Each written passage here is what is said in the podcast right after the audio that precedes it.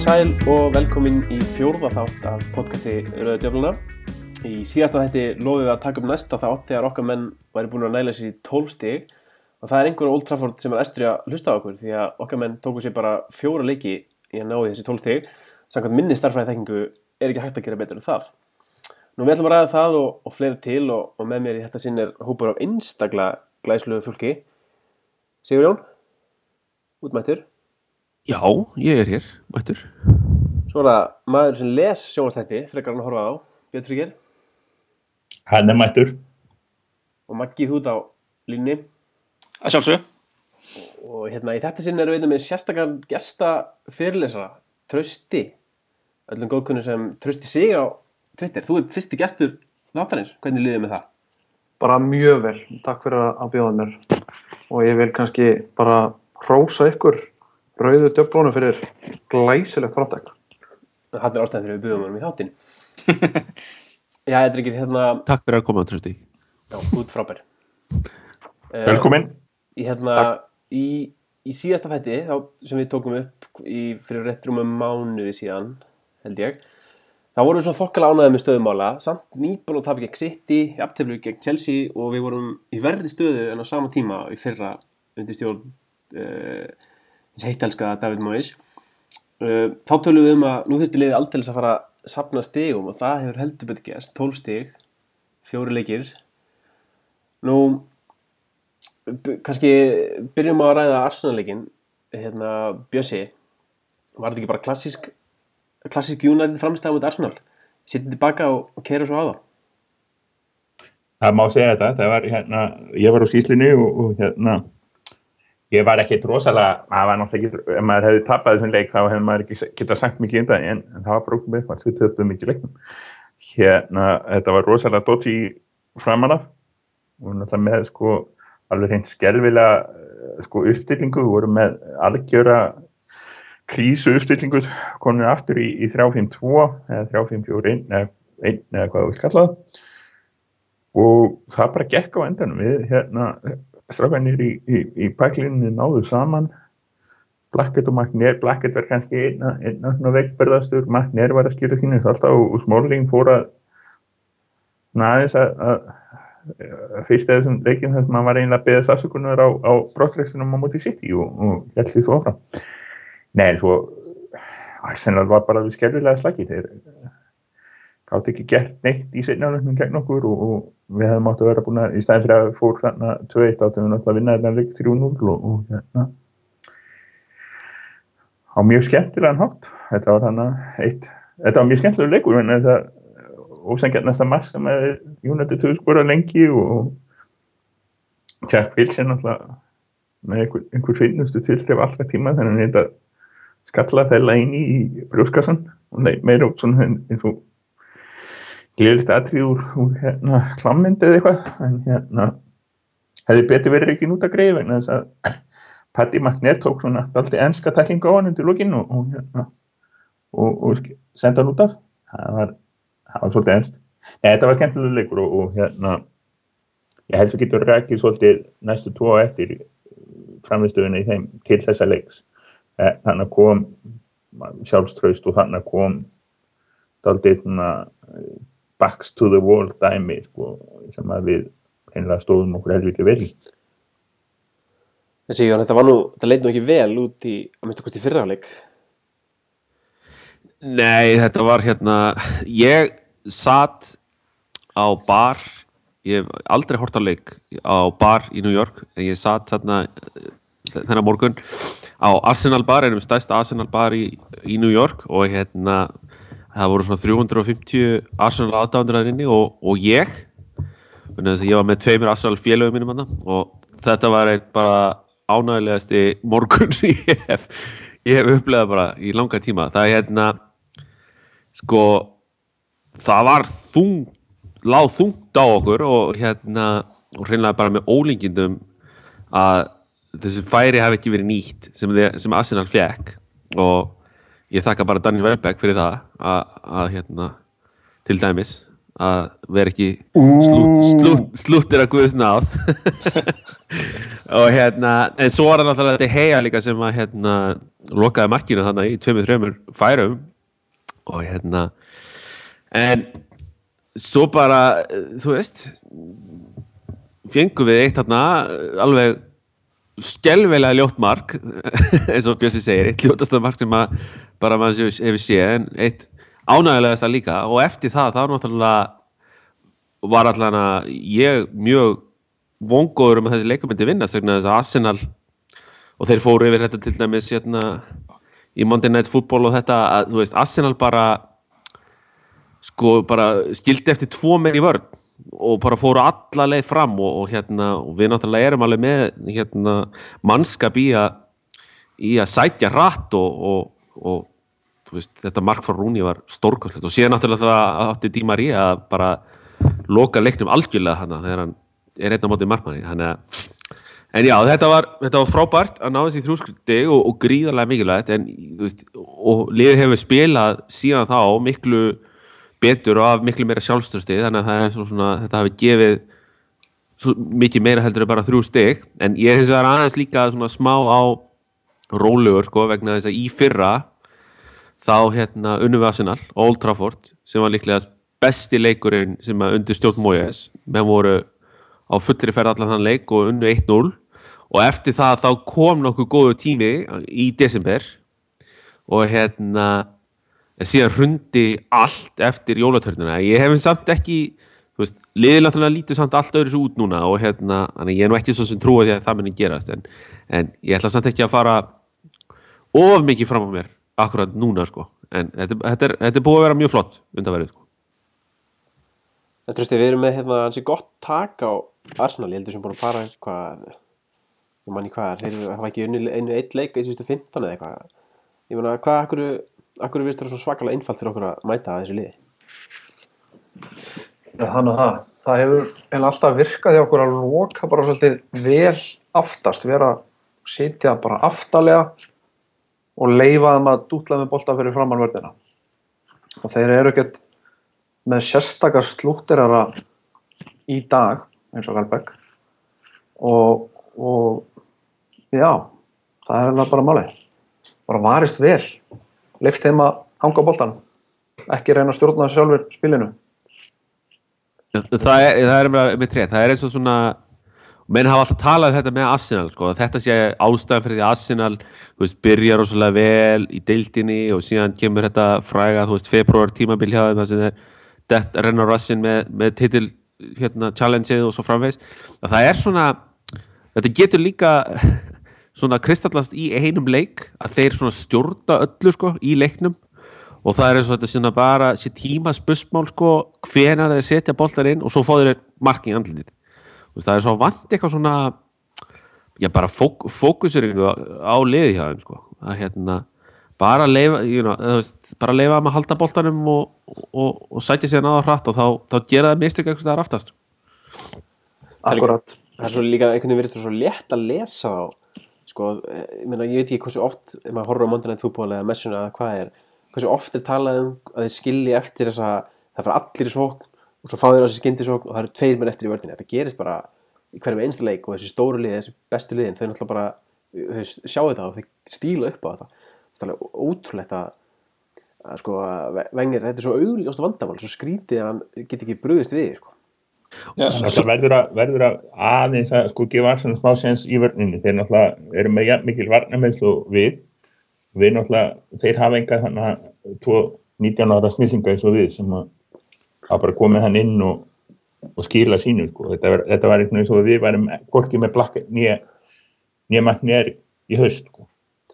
Þá væri, þá hefði eitthvað rosalega gaman hjá okkur heldur. Sko. Það var svolítið gaman að, að- það var svolítið gaman að blaðamann fyrir eftir leikin talaði Van Gaal um, um vin okkar Nacho Monreal sem var hérna, var ekki miðverð í leiknum talaði alveg sérstaklega vel um að hérna, þetta er náttúrulega, hann er, hann er ekki frekar miðverður sko, frekar en ég þannig að hérna, þetta er náttúrulega alveg skilvita ástand hjá honum. Eh, og þetta er náttúrulega vengir að kenna, hann hérna, ekki búin að kaupa mann hann í lengri tíma en við á miðun og þetta var fyrir sjóðanlegt vandamál. Ég ætla nú ekki að vera neitt eitthvað super neikvæður en sko við reyndar spilaðum hennar leik bara næstu í með tvo miðveri. Því mér finnst bara Blackett ekki bara mér finnst bara Blackett ekki vita hvað hann var á vellinum sko, þennan leik. Hann er búin að vera góður í mörgum öðru leikjum og veist, hann gerði ein hann byrjandi að mistikum á til lestir að láta reyka sig út á og svona en í þessu leik veist, því miður það held ég að þetta hefði verið örgulega eitt vesti veist, leikur hjá Varnamanni bara á þessum tímafili sko, og það er eiginlega með ólíkindum að að hérna, þess vegna finnst mér eiginlega já, með ólíkindum að við komist í gegnum hennan leik sko, sem, sem sigurvegar þessi leikur hefur alltaf spilast allt öðru sig ef Arsenal hefur nýtt eitthvað að þessum færum og ég, við sjáum það líka kannski hérna, eins og stókleiknum núna í vikunni að sko, við erum heppnina kannski aðeins farin að koma aftur sko, til okkar sem er, hún er búin að vera fjárvendir núna í, í rúmlega ár sko. þannig að það er, það er það er mjög jákvæmt Hún er vel þegin. Já, mjög vel tegin. Ok, hérna segjum skilum við Arsenal-leikin og förum í Hull á Old Trafford.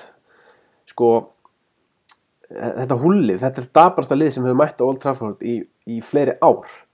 Þeir höfðu engan áhuga á að vinna þann leik og sko það voru hérna 21 leikmaður í liði United, það var einn í liði Hull og það var Dawson í vörðinni, það var eini maður sem gerði eitthvað að gagni hann það í svona leik og sko mér fannst þetta mjög gaman að horfa á þetta því þetta myndi mig á þegar maður var krakki og það var síndur einn leikur á rúfi að stöð 2 klúða 3 á lögatöfum og það var oft United og þetta myndi mig á bara þegar maður horfði á United og það var skiptir engum máli í móti hvað liðum spilaði þeir unnu bara og mér fannst þetta var nákvæmlega þannig stemming Það er svolítið langt síðan síðast. Það þarf engla ræðin en leik frekar þetta. Það var bara skiltu sigur gegn slöku lífi.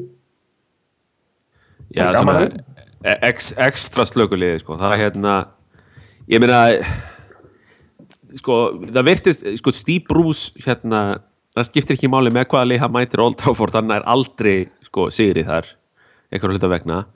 Og það var alveg greinilegt að hérna að þeir svona lögðu upp ákveði leikjaplan sem að var hérna byggt af því að United ætlaði að spila með þrjá varnamenn og, hérna það er bara svo hafið það hafi riðla öllu sko. Og hérna menn voru algjörlega húlleikminni voru algjörlega bara út úr stöðum og, og náðu ekki að skapa neitt sko. Og, og United mætti í þennan leik mjög hérna fulli sjálfströst sko eftir Arsenal-leikin þannig að þetta var bara menn bara regnspóluð yfir yfir húlvarna sko. Þannig að það var eins og segir mjög skemmtilegt að fá loksins afslappaðan leik leik sem hann bara gætt setið og, og hérna og notið á þess að hafa nýra áhyggjur ég held að, að possession tölunar í svona leik hefur sko 75-25 eitthvað svo leis og það var, þetta var eiginlega bara fyndið þess að sko, Jún, nei, húl, þeir unnu boltan en þeir hann alltaf um leið tilbaka í mæstunættið og sko það besta dæmið var þegar Rúni á boltan eitthvað fyrir utan tegin ætla að gefa svona hérna klassíska Rúni sendingu svona þversendingu út á teg, nei út á kant. En hann gaf beint á húllengunin sem fekk boltan og gaf hann beint aftur á Rúni svona 25 metrar sendingu beint aftur á hann. Og þetta var alveg það var bara þetta var dæmalust sko. en já við kannski þá sleppið ég að hérna, þetta er kannski óþæra að tala um þennan leik en, en stókleikurinn var Það voru satt mjög fallega mörk í, í húlleiknum. ég sem komu öll held ég eftir einhvers konar klaufaleg varnamistök hjá alveg svona einstaklega klaufaleg varnamistök hjá hjá húl Já. en hérna já, stók það hérna, þetta var sko þetta virtist að mínum að þið spilast svona svipað og stókleikurinn, nei húlleikurinn framan nema við vorum ekki alveg að kliningal, við vorum miklu betri í svona leik, en samt sluppu við eiginlega með skrekkin, því ég veit ekki alveg hvernig stók fór ekki að því að skora hana undir restina Maggi, hvað hérna sko, hvern, hvern, hvernig náði Asli Jóng til dæmis að bjarga þessu hana linni og á 93. myndi Já, frábær spurning. En ég bara, ég átti að að því. Það er, þetta er eins nálægt í að vera mark en, og vera ekki mark sem ég hef séð, sko. En þetta er bara, þetta er ekki hefni, þetta er ekki bara svona að sagði hann, bara hefnin er svona ekki alveg gegn okkur núna. Við hefðum líklega ekki fengið mark í hans Smalling. Dæmt og dæmt. Við hefðum fengið þetta. Þetta dæmt sem mark eða það er ekki verið markingum dæmt. Já, það er Hvernig spurning, við hefum aldrei fikið marki á Smáling dæmt, ef, ef marklintegna ekki verið Aldrei nokkuð mann. Þetta var reyndar, þetta var reyndar ekki alveg það mikið yfir línuna. Ég held við, þeir hefðu aldrei fengið þetta markana dæmt, sko, en ekki mark dæmt. En en allavega marknýntæknin lífi búrra það var sko hérna ég, ég var að hlusta á fútbol vikli áðan podcasti á Guardian um mennska boltan og þar var sem sagt þegar var að kynna til leik svona hvað er alltaf að tala um þá sagði hann að hérna að United hefði stólið sigrunum gegn stók, er þið samanlega því? Nei, Nei, alls ekki. alls ekki, nei, nei, nei, nei. ég meina þetta var svolítið tæft hann sko, þeir hefðu geta hyrt hjartefli en við stálum ekkert sírunum sko. Ég meina, er snerti, snerti DH að boltan eitthvað, þú veist í fyrra hálfleik til dæmis, bara nema í markið, að ná inn í markið Sko, fyrir, fyrir utan markið hjá hérna sem stórt. að Ensósi skoraði þá voru þetta einu skotin þeirra sem fóru á ramman þessi þrjú hann í restina í þreymur döðafæri nákvæmlega, sko. Og, og þess fyrir utan átti er held ég sko eitt skot sem fór eh, ég heldur að átti eitthvað sex skot í öllu leiknum en það sko við vorum ekki alveg nógu svona eh, einbeittir á, á síðasta varleghefningunum við vorum, vorum ofta komist í mjög fína stöður framalega á vellinum. Það vantar alltaf einhvern veginn svona heslu muninn og aðeins meiri svona yfirvegun í loka sendingunni eða skotinu eins og færi sem Wilson fekk hann gerði mjög vilja að koma sér í en sko, var í mjög fínu hérna, færi en hann skaut framhjá og við áttum rauninu bara lungu búin að gera út um hennar leik Hefði Vinsson átt að gefa hann sko, ég minna Nei, mér finnst. Nei, alltaf að skjóta, alltaf að skjóta. þetta hann er fram, framherji. Láttu ekki svona. Nákvæmlega. Sender, sender sem kemur sér í svona færi hann á ekki að gefa bótt hann á bara að klára þetta sjálf Alveg samanlega. Þa, það þarf að vera eitthvað sko spektakular hann þarf að vera í slæmri aðstöðu ekki bara sko ekki góður, hann þarf að vera í slæmri aðstöðu einhver annar í miklu betra aðstöðu. Já, hann er einn af út um til að neyja hugsa um að gefa. Alveg það er bara þannig, þannig virkar vissi og Wilson er, þetta. Wilson er bara þannig hann, hann, hann hefur gert þetta margótt í öllum leikjum og, og þetta tókst ekki þetta skipti hann á þetta gera þetta margótt í, í, í sko með, með, hérna, með aðliðinu. Þetta verður bara gaman Van Persie var líka ekkert eitthvað sú, súper reyður sko yfir þessu að hann hef ekki fengið boltan sko, hann svona myndan á það að hann var galopin og svo bara, þú veist. Ég held að hann hafi alveg skilið hvað hann var að fara að gera með þessu. Ég, hann, og hann pörsið aldrei gefa hann sjálfur. Nei, nei, aldrei, aldrei. En það, hérna, það var eitt sem ég varst mjög jákvæmt bæði í þessum leik og í hérna, húlleiknum að það var menn, okkar menn voru ofta að vinna miðmennir okkar sérstaklega, að vinna boltan hátt upp á vellinum og, og, þannig að miðmæður var sko kannski ré- rétt fyrir aftan eða framan miðin og hafði svona var með var hitliðið að hlaupa tilbaka og með fullt af möguleikum að gefa hann bæði á framherðin okkur út á kantinn í mjög góður stöðu og nóg plossi og sko, þetta, þetta sá maður aldrei í fyrra aldrei nokkuð tíma, þar lágu bara öll liðin á mót okkur löngu búin að lesa leikskiplaði hjá David Moyes lágu bara tilbaka og sköllu fyrirgæðin byrtu og mér finnst þetta, ég var mjög ánægð með að sjá þetta sko, eins og Herrera var góður í þessu að að vinna boltan, snúa sér við og fullt af möguleikum fram á við. Mér finnst þetta, þetta er eitthvað sem mér finnst uh, virkilega gaman að horfa á um að vanga sko. Já, þetta er einmitt það sem er hérna svona að batna, hefur batnað hvað mest sko, e- í, í leikliðsins er miðjan sko, að hérna þú veist, og við getum eiginlega farið alveg þó svo þú veist að United hafi tapað leikning at City og svo framvegist, þá getum við alveg farið aftur til, veist, leiksist gegn Chelsea að þá hefur, þú veist, miðjan verið að standa sig bara mjög vel í þessu leikjum og hérna haldi boltanum vel og, og það verðist ekki vera þessi sama svona tilvílandi kendi leikur sko spilamennska á milli manna og hérna og menn er að vinna vel og svo framvegis og hérna þú veist, akkur er þetta? Er þetta endur koma karrik sem er að hérna sem er að svona, nýta þetta allt saman eða er þetta fæla eini að, að hérna Fyrst þú segir það byrjaði gegn Chelsea og, og það byrði svo til að það var leikurinn, fyrsti leikurinn sem fellaði inn í byrjaði Já, nákvæmlega. Hann er búin að vera bara, þú veist, í, í síðan þá, hvað það eru tveir, fjórir, það eru sex leikir, ef við tökum Chelsea leikin, síðustu sex leikir, þá hefur Fellaini bara verið eitt besti maður leysis, nánast, grínlaust. Já, já, heilt yfir Það má líka ekki glema því að, að við erum með fleiri miðumenn núna innan. Við erum ekki með þess að tvo hefðbundu vangmenn og tvo miðumenn. Heldur erum við með 34 miðumenn. Já, það er, já, það er rétt, sko. Það er hérna, við höfum eitt alltaf fyrir með, en það, já, nákvæmlega, og þetta er líka svolítið að skilja sér sko, ég meina ef við horfum á síðastu tímbil og kannski síðustu 1-2 tímbilin undir Ferguson, þá einhvern veginn var miðjan valla með, þetta snýrist að við vorum með góða varnamenn og góða sóknamenn það er einhvern veginn unnuleikina hjá Ferguson og svo á síðast tímbili ég voru allir lélegir en miðjan var eh, bara, hún var korki að stíða við sóknuna og, og nýja vördina en þetta er algjörlega snúist við núna og þó að miðjan hafi reyndar ekki verið að stíða vel við vördina til að byrja með á tímbilinu þá var hann að stíða mjög vel við sóknuna og síðan Karri kom inn í liði þá hefur tekist að stíða mjög vel við vördina líka.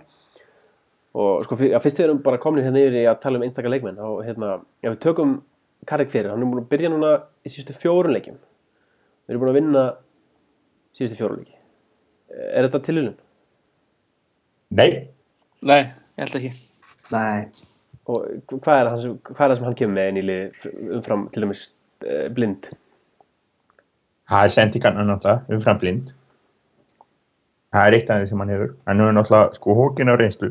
Reynslu mest til maðurinn þannig að í, sko, við vorum að tala um þetta svolítið hérna fyrir tveim árum. Þegar við vorum menn, hérna á fyrsta ári blokksins og, og allt var, lífið var índislegt og, og sól, í- sól í heiði og blóm í haga. Og, og uppáhaldsengur leikmanna var bara, eh, hérna stöðningsmanna var að bera Karik saman við skóls. Þegar Karik var á öðrum ólustöðum besti ef ekki, næst besti eða besti leikmaður meistarana sko. og þá bara horfðum við á það og frá því að Karri kom til lýsins og þangað til sem sagt, þessi, þessi tímabillana þá vorum við samtals einu stígi frá eftir sæti deildarinnar yfir, hvað var það, uh, sex tímabill þannig að þau töpum titlinum einu á einu stígi og einu sinni á markatur og þetta var ekki tilvíðin þá og þetta er ekki tilvíðin núna. Hann er bara hérna í besti miðjumannin sem við höfum átt. Já, Ég er ég, er að sammála. samla því hann, hann líka kemur svo mikla yfirvun og ró hana, yfir á miðuna og, og svona á miðsvæðið og getur setið tilbaka og svona ég held að hann stýri sko bæði einhvern veginn vörninu og miðinni þegar hann er hérna aftalega Ég held líka sko að hjálpa honum líka núna að vera ekki eini miðumörun. já, Að, algjörlega, það er að hann, hann þarf ekki að vera allt. Það þurfti það sem svolítið í fyrra. Að vera í öllu, allt í öllu. Það er er ósangjant bara. Já, hann var, þú veist, átti, átti í raun og veru að leysa í fyrra, þú veist, sömu stöðu og hann er að leysa núna og líka vera í, þú veist, herrera hlutverkinu, sko, að Já. hérna svona uh, setja uh, sóknina í gang og, og þetta og, og hérna, hann, hann kemur eins og segir með þessa yfirvegun og hann er líka gríðarlega góður að loka á þú veist, hérna, sendingaleiðir og, og loka á menn sem komu upp með boltan og svona, þetta er, hann er alveg gríðarlega klettur hann, sko. hjálpar mikið að vera með Herrera og fela íni hann að hliðan á sig líka vinnu samir Algjörlega. Fellaini, hann spilaði svolítið svona mjög aðtilsvært hvernig hann var notaður á mútið stók, þá var hann svona þessi, þessi hægri miðumæður í hérna í þessari teningsuppstillingu svo ég vitni notið orðfæraðan Sigurjóns hérna, Hey. Ég hef ekki talað íslensku í nokkur ár sko. hérna, en það hafa, þú veist ég, maður svona Teningur er bara píramid og hlið. Já, þetta er mjög stað fallegt en, en sko hjá Evertón var hann einhvern veginn alltaf uh, fyrir aftan framminnan og eins og Móis notaðan var hann svona eiginlega aftast í miðumæður en þarna var hann svona, algjörlega þau box to box miðumæður og hann var oft lengst út á kanti það var mjög aðtilsvært hvernig hann var notaður. Hann bara, hann skoraði alltaf marka móti stók sem var bara mjög glæslegt hjá hann og akkur það sem hann vill hafa að koma hann í setni bylginni í í, í, í hérna inn í tegin og það er sko að það er merkilegt hvað hvað hann hefur sko, ég meina, er þetta ekki, ekki bara sjálfströst, sko, nú er hann virðist að vera með sjálfströst eitthvað sem hann hafði aldrei á síðast tímabili. Jó, algjörlega Það var náttúrulega vangifin pressa á honum. eins og við höfum verið að tala um sko, vera að einu kaupin. Eftir all, allar yfirlýsingarnar og, og, og hvert einu sem skipti sem hann kom inn á sko, þá sá maður bara að það var á mikið. Að núna er hann sko langt því að vera einu kaupin og runil og, og e, kost, þú veist, þú er ekki dýrasti leikmaður en, en eitt, þannig að ég held að það það er bara létt á hann svolítið Já, það er náttúrulega öll aðteklin, þú veist, farin af honum, sko, þú veist, þegar Falcao, Di Maria og allir þessi komu og líka þegar Moyes var rekin og Van Gaal kemur inn og þá svona einhvern veginn held ég að margir að við haldið bara, fyrir eini er þið bara settur í, í kompuna eitthvað staðar, bara í geimslu og hérna, þannig að hann er að koma núna tilbaka með, þú veist, ekkert á bakinu, sko, sko pressu og það, það munar heldur betur um það, sko, og svo þegar hann fer að spila vel og fekk loksins þetta mark og og hann er bara allur að, hérna, aukast, aukast hjá hann sjálfstöðstið og, og það bara sést á vellinum, bara mjög vel sko. og hann er líka það sem ég finnst að vera frábært við hann er það að hvenar, hvað er eiginlega langt síðan það er eiginlega bara, við erum að fara aftur til Kín bara til þess að finna svona tutta þú veist, hvenar höfum við eiginlega verið með tutta sem hefur bara verið með olbón og lofti og bara vaða í menn alveg hægri vinstri það er eitthvað sem að United þegar vanta bara alveg heil- bara, það þarf alltaf eitt svoleiðis gaur sko, í liðin það er einn mann sem að sko anstæðingarnir hatan, stuðningsmann er þetta hatan, okkur gæti ekki verið meira saman. Hann er bara, hann er hann lætur finna fyrir sér, hann bara, hann stoppar svo mikið með því að vera svona, með því að vera fyrir. Og hann er, hann er alltaf fýtt fótbollsamæður.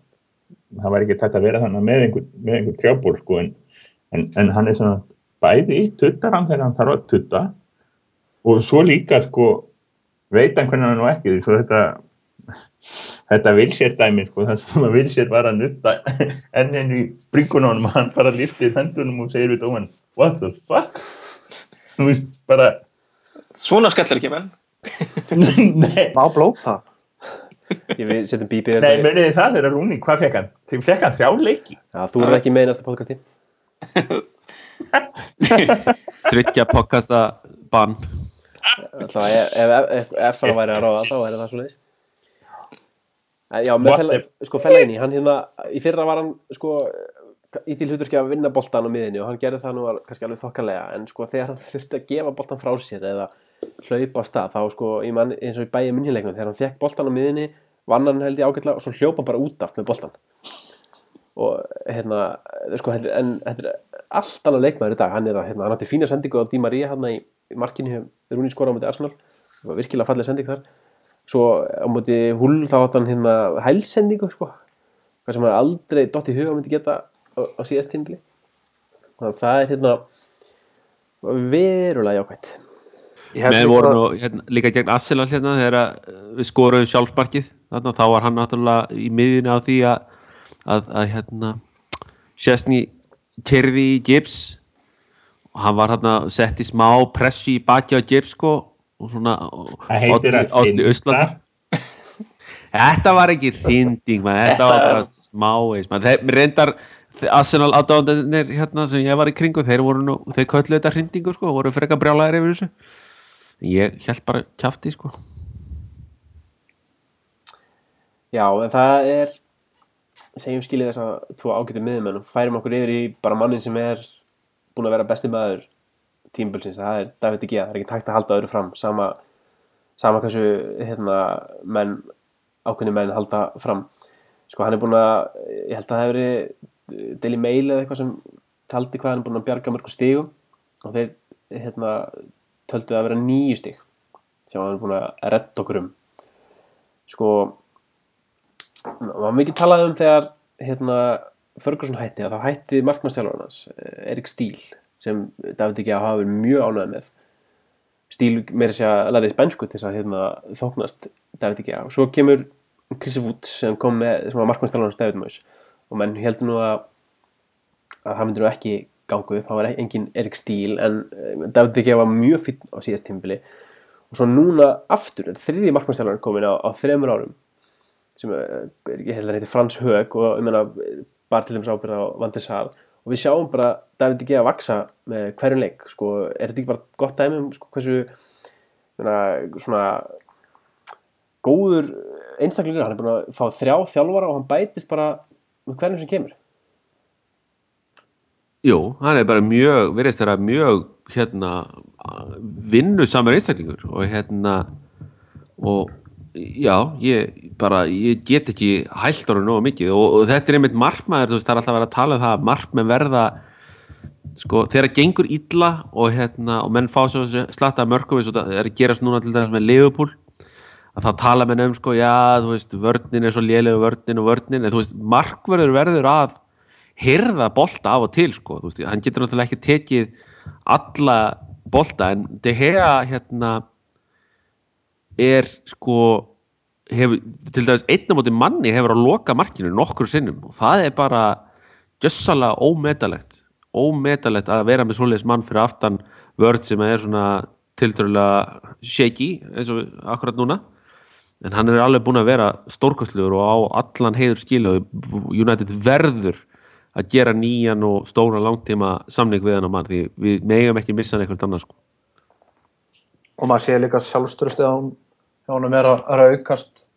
Hann er að rífa kæfti partamenn og, og bæta og ebla samskipti við þá og vera hann flottar í, í hópnum og svoleiðis líka.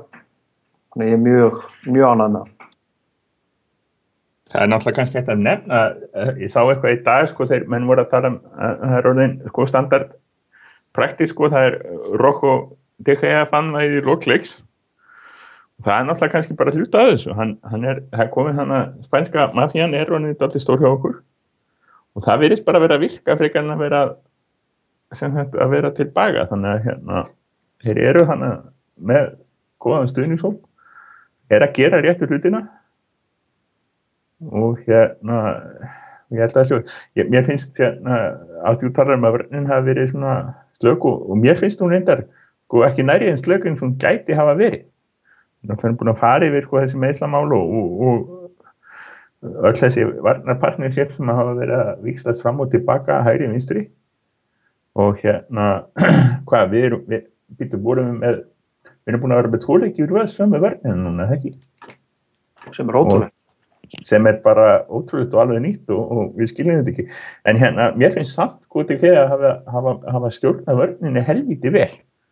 Og það var við verðum að segja, hann er að tala miklu meira við þá. Hann er að stýra þeim. Hann er bara kongurinn, hann veit orðið af því og, þú verður að gera það sem þarf að gera til þess. En áttur sýnir það hvað sjálfstörsti skiptir miklu máli?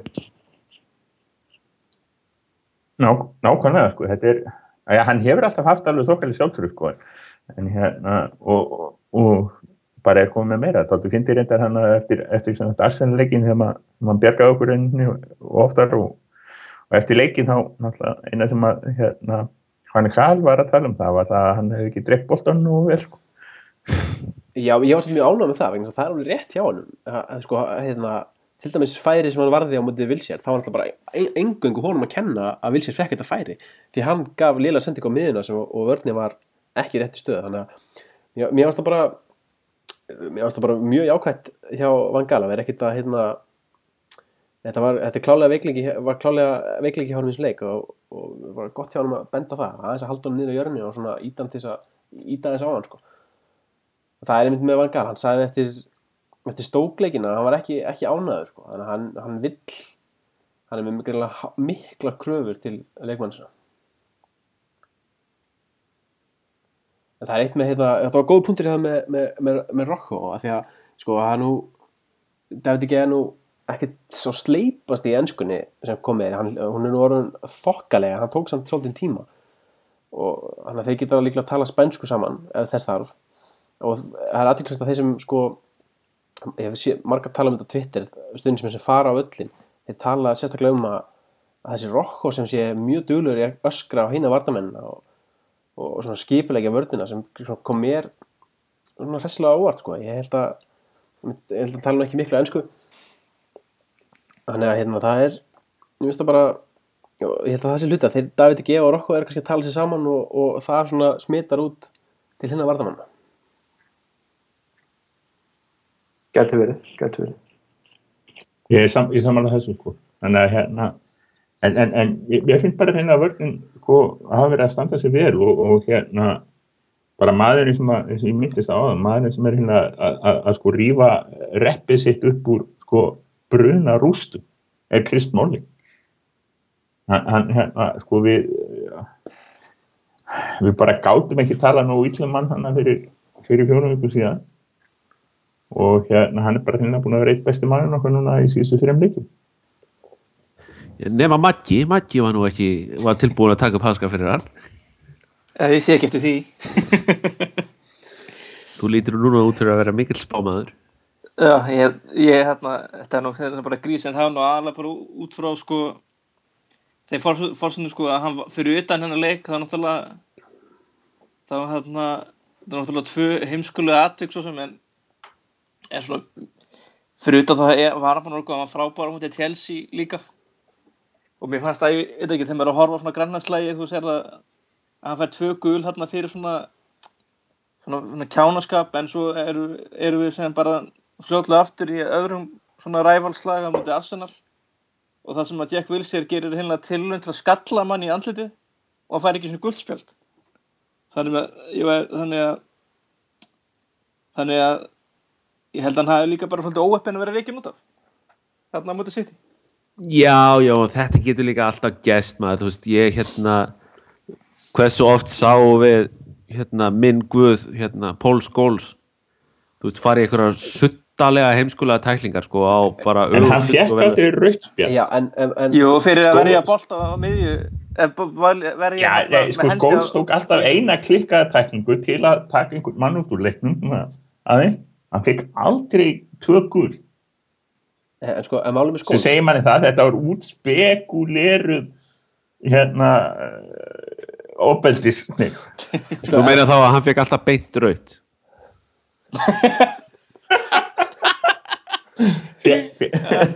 hann fekk nú þessu það beint raut kom fyrir að verja það með hendi. Ég man nú bara eftir leik í byggarnum gegn City, ég man nú ekki alveg hvort það var fyrir þremur, fjórum, fimm áruð síðan ég man eftir því á algjörlega þá voru við, held að við verið hérna bara svona byrjun setni hálfleiks, hvort það verið jamt í leiknum og skóls fer í gjössalega sturla heimskulega tæklingu og lætur reka sig út á og United tapa með einu marki veist, og það hérna, og út úr byggarnum ég muni að þetta hafi verið í áttalega úslutum eða eitthvað, eða jafnvel fjæralega sko. Þannig að hérna, sko, eh, eh, sko, það er ekki alveg shit happens, shit happens. það er ekki alveg að bera þetta saman. Hlut, skóls hlutverk hans var alltaf ekki að tækla miðinu hlutverk hans var að sitja miðinu og, og dæla boltum fram og tilbaka Chris Smalling er varnamæður hann, þú veist, það einn sem hann á að gera er að tækla venna og sko að láta sig að, sko, þetta, þetta var á mútið City og láta reka sig út af fyrir svona bölvaðan klaufaskap. Það, sko, þetta er svona borderline ófyrirgefilegt og, og sko, hann horfum bara viðtalið nú að eftir, eftir leikin, hann var alveg brjálaður út í hann. Og ég skal, hann, hann hefur svo látið hann heyra það á æfingarsvæðinu og í rútinni og bara örugglega í marga daga eftir þetta, öskra á hann sko. og ég held að ég held að, sko, ef það var ekki fyrir þessi meðsli í hópnum þá væri framtíð smóling hjá United bara í hættu. Ég held að hann hefði ekki fengið fleiri tækifæri. En sko hann, hann fekk tækifæri af því að og náttúrulega ekki annað í bóði og hann, honum til hrós það hefur hann aldrei skripið það. Og hérna er að búin að spila sig inn í liði það hefur erfitt að líta fram hjá hann eftir þetta. Og það, meina það er ekki annað þetta hrósun fyrir það. Er einhver ástæði til að líta fram sem Rokko og Smóling sem pari? Er, er einhver nokkur ástæði til þess að Evans eða Jones fara að lappa eitthvað byggt inn í líð ekki náttúrulega að þeir halda áfram að spila veist, eins og þeir eru að spila akkurat núna þá er náttúrulega en, En en, hérna- en ef- ef ef- þeir trúir einhverju þá er alltaf hægt að- þeir náttúrulega bara fara inn í liði þegar Rokko og, og, og, og hérna, Smalling meðist áttur takk fyrir þetta. Ég myndi að ætla skilur þú berð saman bara hérna, þú veist, fútbólmanager þú veist, tölurnar á milli þú veist, Phil Jones og Smalling þá myndi við eflaust áætla að Phil Jones væri betri varnamæður en Smalling, en ef að Smalling er að spila vel, þá bara halda áfram að spila hún algjörlega, algjörlega, en sko um tölum að þessum vörðina áfram, þá var Asli Young í, í hægri bakverði stóð sem bara frábælega á móti stók, það er ekki hægt að hérna, það er ekki hægt að segja hann hann leik sér hann að að- nei, fyrir ekki að hann var í vinstri bakverði, hann leik sér að hægri kantinum hjá stók alveg aftur og aftur og bergaði svo línu eins og hann hefði aldrei gert neitt annað en sko hvað með framhaldi hérna nú er Rafael að fara að koma um meðslum er, er Young búin að slá út Rafael úr liðinu núna tímfundið er Rafael að fara að detta beint? Býttu fyrir ekki að Jóng er ekki að fara að slá út Nei, sjó, sjó, sjó, sko. þegar sjó kemur Þú, sko, það geti verið baróta en Rafael er ekki að fara að fá sætið fyrir Valencia ég held þetta, sko, ég var að horfa bara uppstillingunum núna og horfa á þetta þess að, þess að móti slakari móti öllum nema bestu liðunum þá er þessu uppstilling sem við vorum með á móti stók besta uppstillingun okkar sko sem uppstilling. Og þessi varnamenn vegna þess að við erum með Jóng og Valencia eða Sjó, Sjó getur spila alveg eins og Jóng hefur verið að gera þá getum við spila með þessar kantmenn sem eru líka bakverðir.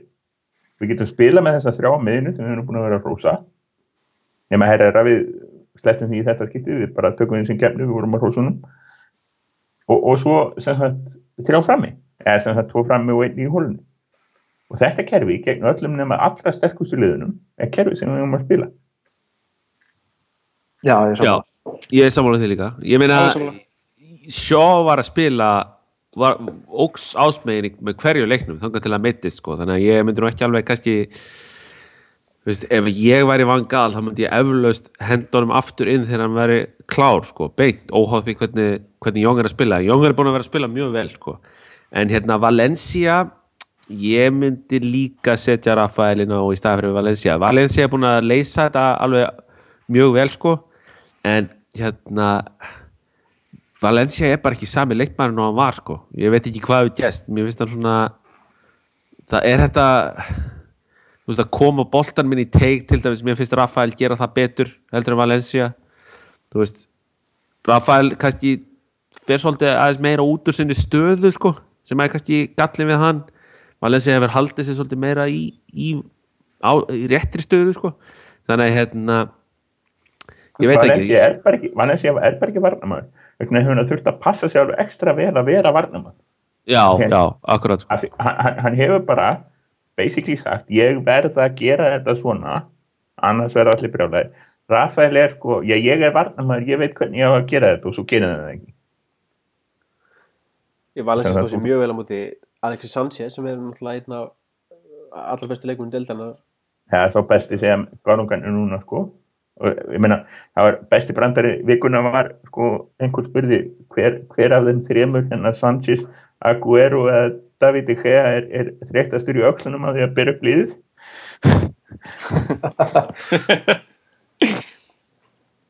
En það er alveg fínt að hafa þessar tvo menn þarna svona sem valkosti sko, þó við, hérna, það er svona, býð, þetta er svona, svona taktísk svona fjölbreytni sem að hérna, býður upp á. Spurning hvort við séum að sjá núna ákveðin gróð af því að hafa æft þetta 3-4-3 kerfi í allt sumar. Og, við, og ma- maður svona fannst það svolítið einkennlegt nú og sérstaklega eftir að hann bara virtist að hendi á haugana hann eftir nokkra leiki.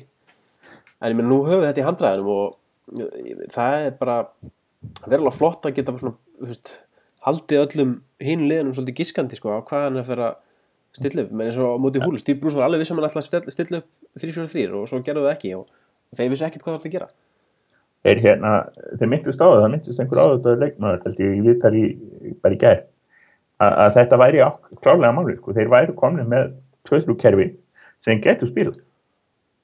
Í staðin fyrir að væri bara alltaf sama kerfi þá væri komin tvöðlú kerfi sem menn missur nokkur veginn hvernig þeir ætti að hefða sér. Og sko það er líka ástæðan kannski fyrir að við erum að sjá Jóngu og Valencia spila þokkalega þannig í þessum stöðum sem eru kannski ekki alveg sérstaklega kunni ekki sérstaklega vel er þeir, það er náttúrulega eða öllu sumurinu í hjá, hjá þeim að, að spila þessar stöður.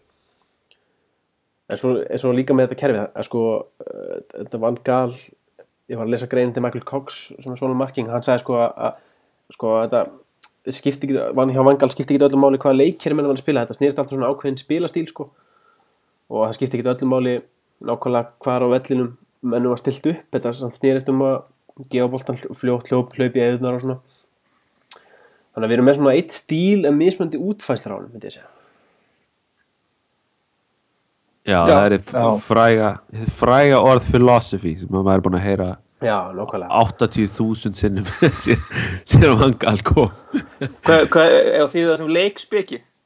já, það er ágætt en sko, ég, ég, Leikspeki. ég meina, maður, maður alltaf heyrir þetta oft, oft og talað um hérna þessa, þessa leikspeki og maður svona kaupir þetta ekkert endilega en maður er samt svolítið að sjá þetta núna sko.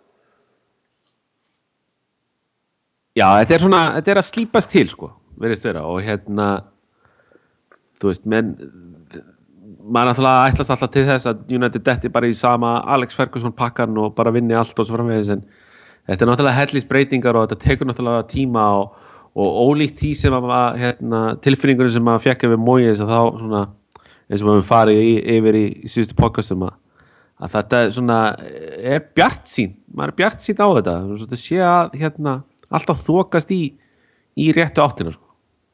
og það kemur náttúrulega bara með fleiri leikjum og, og, og menn haldist heilir og, og svo framvegis sko. En svo er einn aðli sem er kannski ekki að þókast í rétt áttina, það er Robin Persie. Hann var svona frekar ósýnlegur gegn eh, Stók, skoraði endar ágætsmarka múti húl, var samt ósynlegur allar leikin gegn gerði ekkert á múti Arsenal, hann átti 13 snertingar leiknum sem er það minnsta sem leikmaður sem hefur spilað að minnsta kosti 75 myndur að Stimbili hefur, hefur sem sagt, snert boltan í leik. Já, og það er að vera þetta þrjár hótspinnur. Já, þannig að sko ég meina, er ekki bara komið tími á að henda þessum ágæta manni út úr liðinu og sjá, hann, hann spilar hvernig einsta leik? Hvernig var hann nú Já, bara hann, er, hann er ekkert að fara að gera það lengur. Sko það er búið að vera að tala hennum Falká á, á samfélagsmiðlunum sko maðurinn sem þarf að sanna sig sem er Hey, maðurinn wow. sem að vera Þetta var skot á mig, þetta var greinlega skot á mig. þetta var skot sagði- þig og þetta var skot á fleiri þú bara ekki, ekki bara einn það er ekki bara einn eða tveir það- ég er búin að vera að sjá þetta út um allt. En og sko einn besti framherji í Evrópu síðustu sex árin. Hennu sko þurfa, þurfa að sanna sig. Hann þurfa ekki að sanna sig þannig sig hann þarf bara að koma tilbaka sko, fá að sanna- spila leiki og, og fá að koma inn í sko flúta með liðinu, ekki bara koma inn á sko síðasta korteri og reyna að gera eitthvað. Hann á ekki að spila sem einhver supersub eða einhver sko chicharito eða hvað það nú er. Hann á, bara, hann á að vera aðalsendir liðsin hann verður það um leiðum hann verður heitt og það er líka erfitt að dæma hann líka, þú veist, þegar hann kemur inn og þegar liðið svolítið byrjað að bakka og svona eiginlega fara að sækja minna. Þú veist, það er ekki svo að hann er ekkert að fá sömu þjónustu og leikmenn sko, sko fyrstu 60 minnum. Þú veist, þegar liðið er að sækja og er að leita eftir mörgum. Nákvæmlega, og ég held að verkefni næstu leikja sé að, sé að, að taka Percy út og Falká inn. ég held að hann byrji bara klálega núna veist, það er næsti leikur á mánudaginn hann, og hann er búin að koma inn á núna í tveimur leikjum hann bara hlýtur að vera orðin góður og, og, og hann bara byrjar á mánudaginn Vonandi. svo er bara spurning hvað, hvernig við spilum það með hérna, hver spila með honum og hvernig það verður stilt upp sko. hann náttúrulega sko með Falká þú veist við erum náttúrulega skítrætti með hann til, þú veist þeir fá hann náttúrulega svona meittan eða komið upp á meðslum og mjög alvarlega meðslum þannig að þeir svona fara mjög rólega á stað með hann og svo fara hann hvað var það, var það ekki aftar í kálvanum eða eitthvað eða lærinu eða eitthvað sem Kál- Kál- Kálvin sko þannig að Já, er- veist, þannig að þá dettur hann út aftur og svo kemur hann aftur inn og þá þarf aftur að fara, þú veist, að fara vallega með hann og svo framvegis og ég hérna þannig að hann hefur sjálfur sér ekki get fengið, hvað hefur hann byrjað? Hann hefur byrjað byrjað hann í einhverjum fjóru leikjum í röðu eða eitthvað hann, he, heilum þrem leikjum í röð. Já, hann byrjaði þreim leikjum í röð, ok. Og hérna, þannig að það er svona já, menn er að, að hérna svona kinnan, það er þessi, þessi filosofi að menn get ekki farið í nýtt land og farið að byrja beint, þú sást að til dæmis með hérna Wenger byrjaði með Sanchez alltaf á bekknum og var alltaf að setja hann inn að, þú veist, í setni hálfleik og svona. Þú veist, hérna í byrjun tímabilsis og Sanchez fór bara raðin mörkunum þannig að það var ekki hægt að horfa frá því að byrja með mannin og hérna, en þetta er svona sama pæling sko, það að byrja með hann á bekknum og kynna hann inn, veist, inn á og svo framvegs, en hérna en ég er alveg samanlega með það að Van Persie er bara búin að vera svo týndur að það er bara er komin tími á að Falcá bara byrji leiki og, og spili og hérna. En ég svo sem skil svona þessa þessa hérna menn hafi verið að svo varkárir með hann til að byrja með allar Já, já, við þurfum ekkert að vera sko uh, mér finnst vera, það er verið að tala núna stundum eins og menn sé að ákveða núna hvort það er alltaf að kaupa hann í vor það held ég, þetta bara þetta er einlega fyrst og fremst bara ótímabælt við hérna bara í staði fyrir að tala um að hann verður að sanna sig eins og hvað ætlum að gera um að sanna sig? Jú, við ætlum bara ekki að kaupa. En það er bara sex mánuður þangað til. Við ætlum frekar að tala um sko, ég vona bara að verði heill sem fyrst og fá að spila. Svo ef hann stendur sig ekki þegar hann er búin að spila einhverja þrjáleiki heill í röð þá bara kemst hann dettur hann úr liðinu eins og allir er Já, þetta snýst í raun og veru bara, þetta snýst ekkert um það hvort að Falcao sé nógu góður til þess að kaupa þetta snýst bara um það ef hann ætlar að vera mittur í alla vetur þá er þetta náttúrulega ákveðin áhættu kaup sko. en ef hann er, segir sem svo hann spili veist, hérðan í frá og út tímabilið og hann stendur sig, veist, hann er kannski að skora eitt og eitt mark hér og þar og er ekkert eitthvað raðin mörkunum, þá er ég viljið samt kaupa hann sko, því að þú veist það, það er nákvæmlega- ákveð- nákvæmlega. ákveð svona aðlöðunar tímabil og svo framvegis, hann mun ef hann helst heill, þá mun Falcao raða inn mörkunum ákveð, ég, ég, ég hef engar áhyggjur að því. Þú veist, það verður, ef hann helst heil út tímabili þá verðum við að sjá sko 15 mark krónum bara í þú veist, 20 leikjum eða eitthvað sko. það er bara þannig, þetta er bara þannig bílar og það er meira að segja sko, við sáum þannig að þessi fá leiki sem að spilaði heill og meira að segja sko fann að koma með tvær stóðsendingar sem var tveimur fleiri heldur en síðustu hvað, hvað nú var sko, 2-3 ár. Og bara hlaupin hjá honum inn í tegnum eru alveg, alveg mögnuð Hann er er líka framherri sem að fittar akkurat inn í veist, eins og, eins og United er að spila núna það er nefnilega málið er að spila mennska United hefur breyst svo mikið að Van Persie er í raun og veru ekki lengur bara relevant sko. veist, eins og Van Persie vil spila með þess að hái bolta og allt það en Falcao er miklu meiri sko, að taka kannski þú veist, sendingar sem eru komin í teg eða þá taka, þú veist, annan boltan skilur og, hlau, og hlaupa til að opna stöðu fyrir aðra leikmenn sko. já, til dæmis. Það var bara einn spurning eftir og hérna og það var spurning sem kom til okkar á samfélagsmiðlunum tryggvi. Spurningin var um framherjan okkar. Já, við fengum hérna fína spurningu frá, frá Hjörvar Inga og hann spyr okkur hverja sjáu þið fyrir ykkur sem framhýra United á næsta tímbili og hvers vegna? Við ekki bara taka línuna og byrja á þér Sigjón. sko ég vil sjá Falcao Rúni frammi og ég- það er náttúrulega fyrir því hvort að Falcao verið keiftur og allt þetta en ég, já, ég myndi vilja sjá Falcao Rúni og, og hérna og svo ég, ég er bara mjög sáttu við framherina sem við erum með núna, bara spurning hver byrjar og hérna Wilson er virkilega hérna, spennandi framherri ég segi samt að hann sé ekki alveg tilbúin núna og kannski ekki alveg næsta tímabili en kannski tímabili eftir það gæti hann orðið einn af okkar aðalframherjum. En akkurat núna þá segi ég að sterkasta pari sé klála hérna Rúni og, og Falcao. Bjössi? já, næsta tíma Billy og ég er að horfa núna með á skjánum fyrir fram með uppstillinguna úr, úr stókleiknum og ég er bara að hugsa getum við spila með Rúni í hólunni og Falka og Wilson frammi móti slakari lið það væri gaman að segja sko, já, Falka og Rúni saman tveir frammi með eitthvað fyrir aftan sig. Það er náttúrulega það væri svakalega sterk framlýna og ég er aðeins bjart sín á Wilson heldur en Sigurum ég held hann verður orðin fastamæður á næsta ári.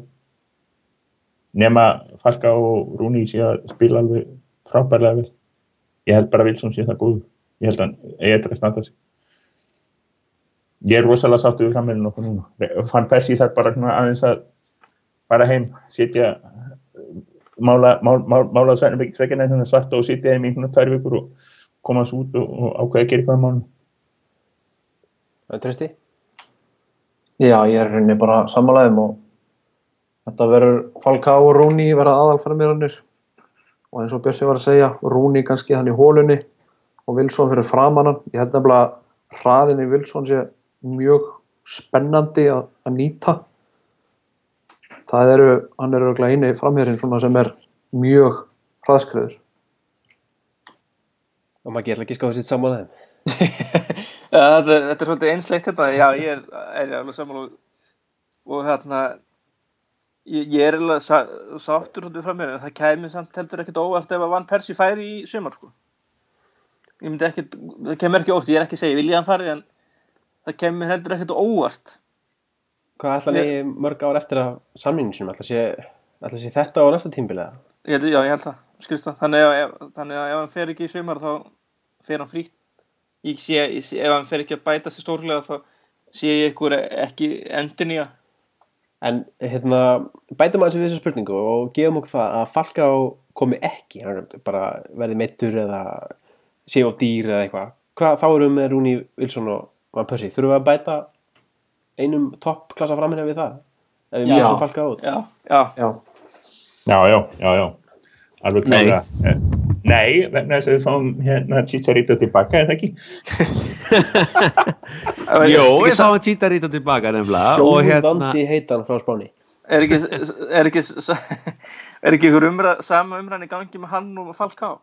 að að tala um að þeir alltaf ekki að nýta sér réttinu að kaupa hann og það er ennþá bara desember já, maður veit ekkert um Hann það er sko. Greiðalas er ekki að kaupa hann sko. Hann er ekki að spila mikið í þeim Sáuð þið- sendinguna hjá honum í vikunni? Já, glæslega, í slamma hann er, hann er, er kongur er kongur, það er bara svo Mexikansku kongur, hérna sko, ég segi nei af einni ástæðu þú veist, ég myndi ekki segja, e- ef að Falcao kemur ekki, þá myndi ég ekki segja að það væri sko, eitthvað forgangsatrið að ná í annan sóknamann, þó svo ég myndi alveg bjóða hann velkomin ef hann er keftur ég segi það ástæðu að ég vil alltaf spila með Rúni sem frann með frekarinn í hólunni Þú veist, við erum með Mata og svo erum við Herrera líka sem er búin að vera getur auðveldlega að spila í hólunni og gert það mjög vel. Og Mata hefur staðið sér mjög vel þegar hann, til tækjafæri og síðan er líka þess vegna hægt að spila með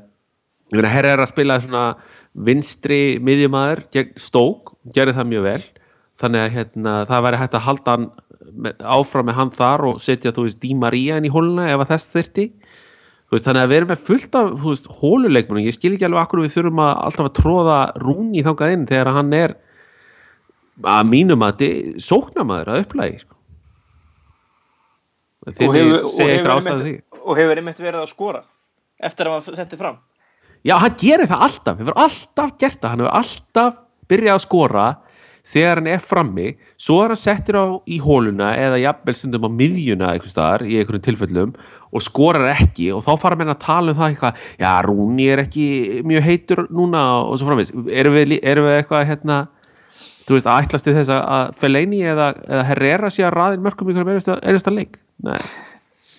Veist, þannig að þetta er svona svolítið ósækjart sko, og hérna og mér finnst ha, að hérna, hann ætti bara að vera frammi því að hann er mjög reglulegu markaskorari frammi Ég er alveg sammála, ég held líka stór hluti að þessu gaggrinni eins og sérstaklega, maður sér á Twitter, þetta er oft yfirleitt bara fótið bitjuleiki út af, veist, svona utanvallar hegðun og svona, og samningum gaggat félaginu.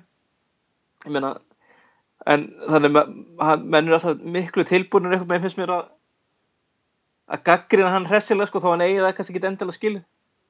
Ég meina ég skil það ég, ég, ég, skal hérna, kannski taka það svolítið á mig vegna þess að ég er svolítið mikið þannig. Ég, ég er einn af þessum sko. mér finnst ég alltaf að vera taldið tengtur öllum. Mér, mér, mér líður stundum eins og ég eigi að vera á vellinum í hverju viku en, en er það ekki sko. Bara einhverjum að því ég glemt að mæta síðast eða eitthvað. En hérna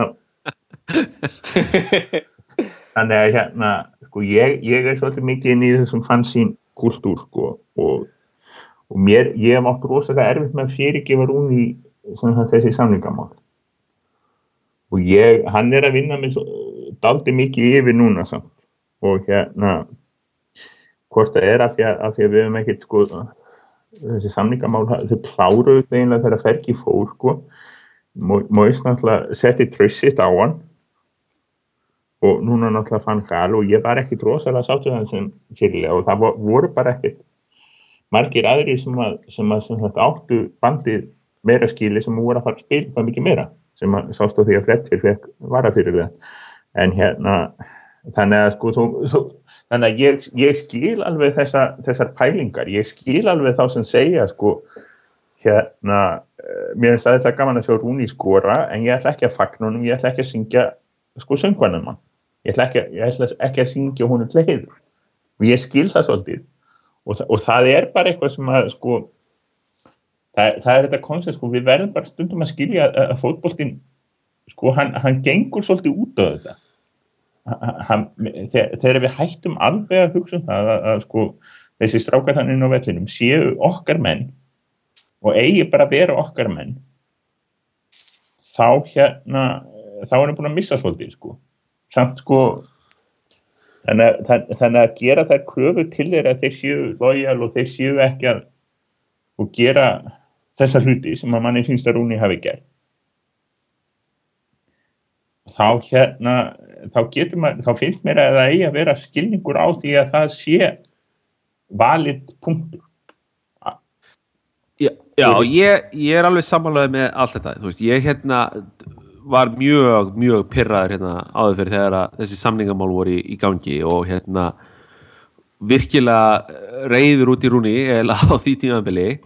Sko, hins vegar einhvern veginn svona tók ég svona skreft aftur á bak og hugsaði að þetta var í raun og veru ekki svo mikið Rúni gegn Manchester United eða Rúni gegn stuðnismennur Manchester United, þetta var í raun og veru allt um Rúni gegn Ferguson.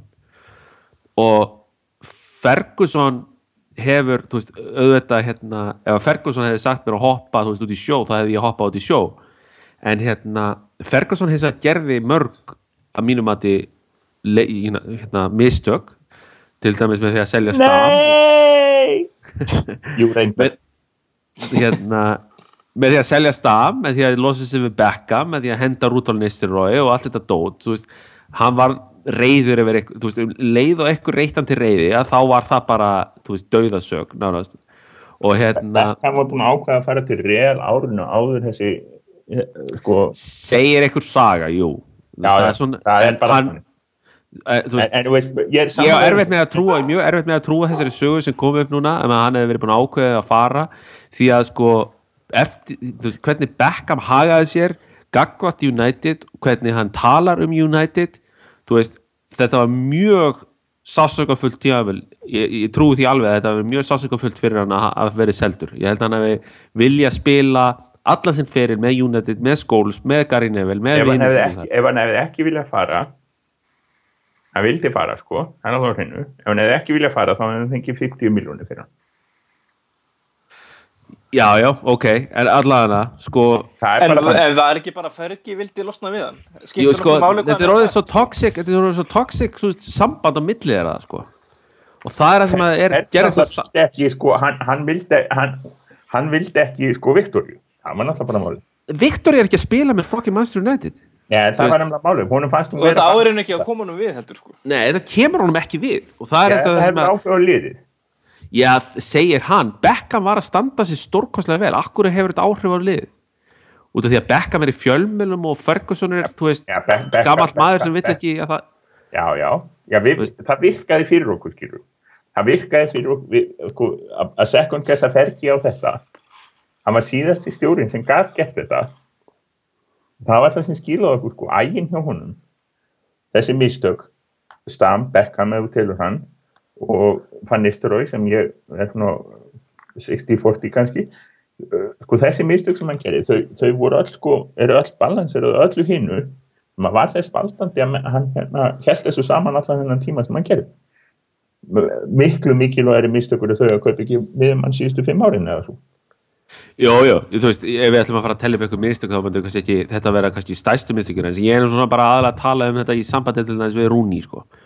Og Rúni, Já, já, já, já. hérna, þetta var orðið honum. toxic, samband. toxic samband á milli þeirra þarna En Já, já. hérna, þess vegna hagaði Rúni sér svolítið eins og hann var að haga sér og síðan að Ferguson hætti þá hefur Rúni bara verið algjör Manchester United maður og Já, já. hefur, í raun og veru er með þetta element þú veist, ég skil alveg þú veist, að menn voru svona svolítið hérna, á báðum áttum þegar hann var valinn sem hérna, fyrirliði ég bara sé ekki neitt annan sem hefði fitta betur sem fyrirliði og Rúni er með þetta United element sem, að, veist, sem við þekkjum allir sem að við höfum séð í leikmönnum eins og Giggs og Keane og, og þú veist, öllum þessu gömlu kempum að Rúni er með þetta veist, í sér og það, ég bara get ekki hort fram hjá því og fókusað á okkur peningamál sem voru í gangi ykkur um þreymur árum, fyrir þreymur árum sko.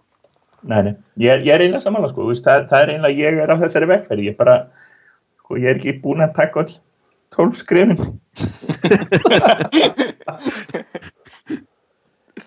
já, þetta var, sessandi umræðu hérna, um David Beckham og Rooney. Ef við skulum færa okkur burt úr fortíðinni og yfir í nútíman. Uh, meðsli, meðsli, meðsli, meðsli. Við erum alltaf að tala um meðslin. Hvað eru konum í 42 meðsli síðan að Louis van Gaal tók við? það er ekki Já. komið þannig, teljum við Tom Thorpe með Já, já, auðvitað.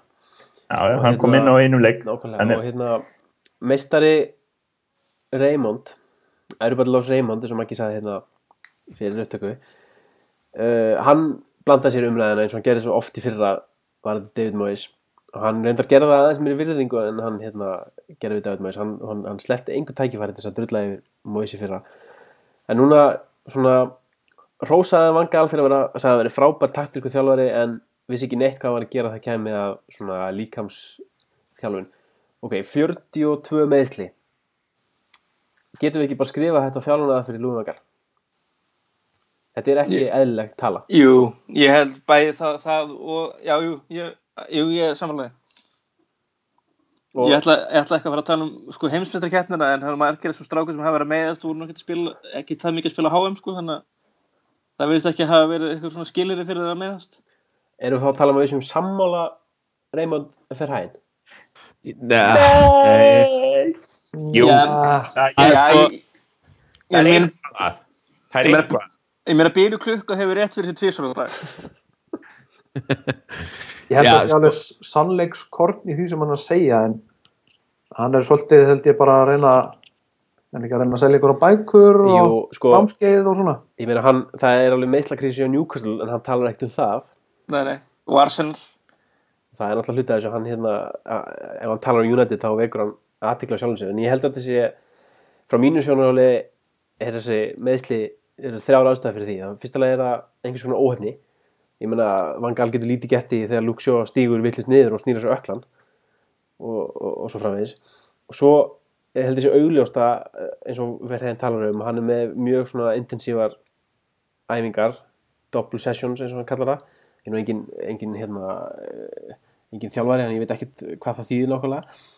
Að að, hérna hann verist hérna verist leggja mikla kröfur bara eins og við sjáum hann talar eftir leiki hann, drulla, nei, hann hérna talar sér að DG hafa ekki staðið svona vel um þetta Arsenal vill fá meira eftir sigurinn á stók og hann, ég held að leggja mjög hart að leikmennunum og ég held líka að leikmenninni leggja mjög hart að sér til þess að vilja svona gangi augun á hann að menn, menn er ekki að hlífa sér. Ég held að menn fari alveg, ég held að menn séu maður 130-40% effort í þessum æfingum. Og kannski sérstaklega eftir HM sem margir leikmenn er örgulega þreyttar að venla og þetta býður svolítið upp á býður upp á meðsla hættu. Og ég held að sko, meina þetta, þetta, þetta er ekki bara óhefni, þetta er klárlega eitthvað í þjálfur aðferðunum og sko þetta er náttúrulega 42 meðsli og ef þetta heldur svona áfram þá við höfum nú staðið okkur þokkilega vel svona með þessi meðsli en ef þetta heldur svona áfram þá getur við lent bara í bölvuð vandræðin á, á það sem eftir að tímbilinu og það meina þú veist ég held að Vangal þurfi svona að líta svolítið í eigin barm og hérna taka þessi gagnum til greina. Já, ég samanlega öllu þessu. Og hérna, fyrst ætla ég að segja að Raymond er svona með ákveði hérna hjörfa haflegar syndrum að bara tala um eitthvað bara til þess að fá þú veist, aðteklina beint að sjálfu sér sko. Og þá er ég að tala um hjörfar með hérna Gea og svo framvegis. En hérna sko, varandi þessi meðsli ég meina, sko þegar menn skipta um þjálfara þá svona, náttúrulega getur verið alls konar fókuseringar á, veist hvernig menn vilja sjá þú veist, hérna uh, physical, hérna appearance á, á mönnum, sko og hvort þeir vilji fá þá, hérna þú veist, eins og Gauði Þórðar var fræður fyrir það hérna árum áður að láta menn hlaupa alltaf bara, þú veist, 12 kílómetra fyrir hverja einustu æfingu, sko og taldi það verið ekki eitthvað góða, hérna veist, hérna, grunn til þess, að, til þess að bæta úthald hjá mönnum. Nú, svo er til aðra leiðir sko, að hérna nú þekki þetta aðalega úr frálsum íþróttum þegar sem ég var í þegar ég var yngri en þú veist, það voru til dæmis frálsíþróttamenn á sínum tíma tögþröttamenn nú var Jón Arnar mikið mittur það á sínum tíma. Þú veist, á meðan aðrir tögþröttamenn voru ekki mittir þeir æfðu þá, veist, allt, allt öðru í sig og svo framvegis og hérna þannig að það getur bara verið í raun og veru munurinn að, að Van Gaal er bara með með þingri æfingar og menn eru bara að venjast í núna, veist, þetta geti til dæmis eld okkur svolítið þetta tíðanbili sem ekki verið næsta tíðanbil og menn eru bara að breyta um æfingataktík og er að æfa þingra og svo eins og þú segir að það er nýr þjálfari sem að virðist vera mjög stífur og harður af sér og, og menn vilja leggja sig, er að leggja sig 120% fram í allar æfingar og í allar tæklingar og svo framvegis og þannig að hérna þannig að það er svolítið erfitt að segja til það akkurat núna það sem að Van Gaal er ekki búin að vera neitt það lengi og við þú veist, yfirleitt er þessi undirbúningstíðanbeil sko þingst erfiðust þegar ekki emur að í, í æfingalega séð. Þannig að og við erum svo sem ekki alveg farin yfir þann hjalla en þá ef að segjum að undirbúinstíðanbelið hafi verið í júlí sko og byrjun ágúst þá eru menn svona ennþá kannski að sitja með þá þreytu í sér sko. En hérna verða að passa líka sko að hérna að létta þá æfingarnar þegar að eftir því sem að tímabilið sko líður. Og hérna ef að erum að ennþá að lenda í þessu basli í endan februar og mars þá er ég tilbúin að fara að benda fingur á, á, á þjálfarateimi sko. þá er eitthvað í gangi sko, klálega Já, það er sko eh, þetta, þetta er bara, sko, þetta er samt svo rosalega mikið, í hverjum einsta leik meiðist eitt leikmæri, síðasta leik fór Di Maria út af. Nei, þar síðasta leik og, og hérna og Rúni haltraði út af líka og var meittur þetta er sko, þetta er alveg útrúlegt sko, ég finnst í rauninni ég er ekkit sammála því endilega við þurfum að býða frá mars februar til að sjá það, mér, fyrir mér er þetta frekar augljóst, það er eitthvað að í þjálfuninni bara núna og hefur verið eh, sko, að þetta, þetta, þetta er bara svo, þetta er svo, þetta er svo hátala. Jú, jú, ég meina þetta er hátala klálega, en þú veist, það er svo segir sko, ég meina, Rúni meðsli núna þú veist, er ekki vangala að kenna Luke Shaw er ekki honum að kenna þú veist, Daily Blind hérna slasast í, í landsleik sem dæmi og hérna Di Maria, þú veist, tok, verðist togna aftan í læri eða eitthvað slíkt, ég meina er það Sigurjón, er ekki aðal álagsmeðslinn, það væri mitt læratóknarnir og ég vil nárun. Ég er að sjá, ég er að goða hennar listan sko á, á, á meðslalistan og það, þetta eru alls konar meðsli.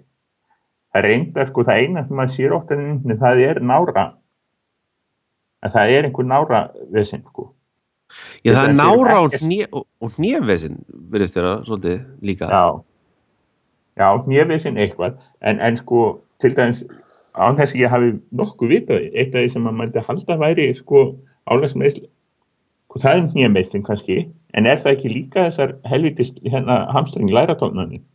Jú, sko, oft, oft eru læratóknarnir allan eftir, eftir, eftir minni reyðslu að læratóknarnir eru oft svona hérna sko, er þetta komið í veg fyrir með þú veist, nutti og tegjum og þú veist, alls konar svoleiðis dóti sem að er kannski á ábyrð hérna, þjálfarna að sjá til þess að leikmenn sagt, Er í slíku Jókameistari í United fyrir og síður, hann hlýtur nú að vera með það svolítið á prógraminu, Ryan Giggs. Maður er Jú, svona, sko, maður hefði- gaf- hefði haldið segist það. hafa náð sko sex árum í viðbútt út á jóka.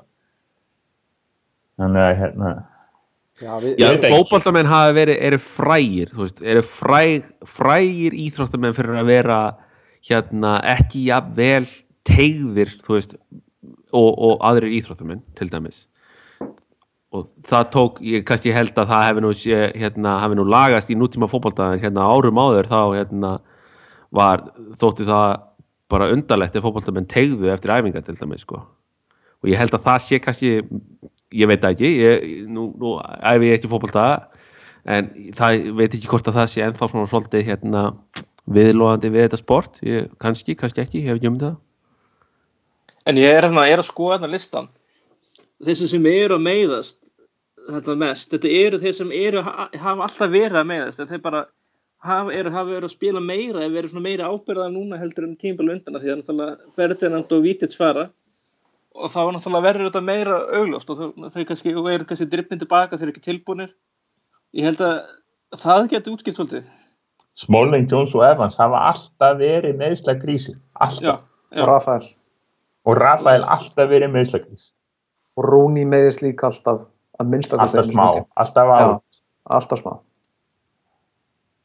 Er það ekki bara ástæð? Er ekki bara búin að lesa þetta? við, við þurfum eiginlega hérna, Einhver þarf að tísta. ná tala af einhverjum sjúkurþjálfur eða eitthvað. Við auðlýsum bara hér með eftir sjúkurþjálfur sem er tilbúin að ræða þessum alveg okkur. Uh, endilega. Ég er næst, velkomin næsta þátt. Hérna, við, við skulum taka stöðun á þessum meðslum bara í, í, í næsta þetti við erum líka að láta Raymond vita. Já, eh, kannski maður reynir bara að tala við hann sjálfan sko. það hlýtur að það ná sambæði hann gegn Twitter eða eitthvað. Er Ég beðið við hversu aðtekli sjúkurinn er. Hann er örgulega tilbúin að koma í einhvern íslenska podcast um sko. hérna, ok, við skulum segja skilja þetta og, og hérna tölum östutum næstu leiki sem er framöndan við erum núna tvo, við erum búin að eiga svona þrjá og fjór síðustu leikjum hafa verið svona skildu sérar, alveg klálega á móti Krista Pallas, Hull og, og Stók og núna eigum við tvo leiki við svona lið sem getum sagt að séu svona challengers í allavega meistræðarsæti sem er Southampton og, og Liverpool. Southampton núna mándaginn og Liverpool þarnast helgi.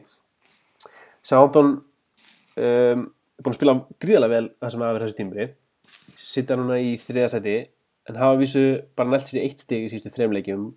Töpum mútið City um, síðust helgi og núna mútið Arsenal í, hérna, í vikunni. Hvernig metið leikina mútið Southampton? Hann er úti, þeir eru með, þeir eru á útivelli þeir eru með virkilega gott gó, góðan árangur á, heimavelli. Ég held að sé bara búin að fá sig hvað fjögur að fimm mörg þar hvernig metið, trösti, hvernig metur möguleikana mútið Southampton uh, bara þokkalega, þeir eru búin að missa líki leikmenn móti Arsenal. Uh, og eru núna búin að tapa tvisvari röð, jafntefli þar á undan. Og við á góðu róli bara, þannig að ég held að við tökum þetta bara. Þetta er sko, ég horfði á Arsenal-leikin gær og Southampton voru, voru sko, ef eitthvað er betri aðalinn, minnstu kosti framan af svo missa þeir þessa menn í meðsli það er rétti að hérna, Snædilinn er búin að vera meittur og hann verður líklega ekki með á móti okkur. Svo fór Jack Cork sem er svona hinn eh, þri, þriði varnamiðumarinn, hann fór meittur út af. Tadic fór meittur út af og Aldevereld fór meittur út af. Þannig að þeir eru að missa hérna tvo, þrjá líkil posta í liðinu. En sko samantan þeir eru svo, þetta er svo, það er svo mikið jafnvægi í þessu liði, þeir eru með hann að pelli frammi svona sterkur, stór samt, góðu spilari. Svo erum við tvo snögga á kantinum. Algjöran vegg þarna með Vanayama og, og Snædilinn eða Kork fyrir framann vörnina. Og svo er þið með virkilega góða bakverði sem, sem hérna styðja virkilega vel við sókna, Klein og ég man nú ekkert hver er hinn bakverðin og svo vörnin sem er uh, Fonte sem hefur virðist verið að sína það að það var hann sem var aðalmaðurinn í vörninni fyrra ekki, ekki Lovren vinnur okkar. Þannig að sko þetta er þetta verið, ég held að verði virkilega erfiður leikur og ég held að verði sko verði hérna erfitt fyrir okkur menn að fara á hann að við þurfum að spila þetta í mjög agaðan leik á móti þeim. En það er sp- spurning samt hvort að sko að þeir eru meitt búin að missa þessi menni meðsli og Koman var að kvart undan því eftir leikingi Arsenal að hann var ekki með til dæmis jafn stórn hóp og, og Arsenal og þeir eru búin að lendi svolítið mótlæti. Þannig að það er eitthvað sem mun kannski hérna hjálpa okkur á mándaginn það sem að ég hef tekið eftir hjá Sáðantón er sko hérna í deildinni þá hafa þær unnið, þú veist Vestham sem er eða spila mjög vel núna Vestham, en hérna veist Swansea, QPR Sunderland tóku þér alveg í bakari náttúrulega einn af þessu leikjum sem var bara svona freak of nature sko. Og Stoke og Hull hafa þær unnið sko og Leicester svo tapaði fyrir City og Arsenal og Liverpool og Tottenham. Þannig að það er svona eins og sé sko hérna, þú veist, þeir klára þessa hérna, klára þessa leiki sko, sem að gegn svona mi- miðjuliðunum og, og, og hérna ne neðri liðunum. En síðan vinna þeir ekki toppleikina sko. En þannig að við þurfum bara að sjá til þess að, að þeir verði ekki fyrsta að við verðum ekki fyrsta liðið sem að þeir vinna í, í slíkum leikjum sko. Þetta, er, þetta verður bara rosalega spennandi í næstu tveiliki. Þetta þetta eru, við töluðum um þetta í síðasta podcasti, þá töluðum við okkur stundum, við ætluðum að taka sko, að við ætluðum að taka 12 stig út úr þessum fjórum leikjum og vera helvít ánaði með það. Og það var, en, en síðan tækjum við erfiðleiki og þetta eru, þetta eru alveg, alveg hróttalega krúsjál næstu tveiliki hjókun, þess að þeir segja okkur einu alveg, sko, ef við tökum ný, hérna, 60 út úr þessum tveim leikjum þá erum við bara að fara að tala um að tryggja okkur þriðja sætið og, og ef við ekki að hafa neinar áhyggjur af því. Uh, ef við tökum fjögur stík sem ég verður bara ágætlega sáttu við þá erum við bara góðir.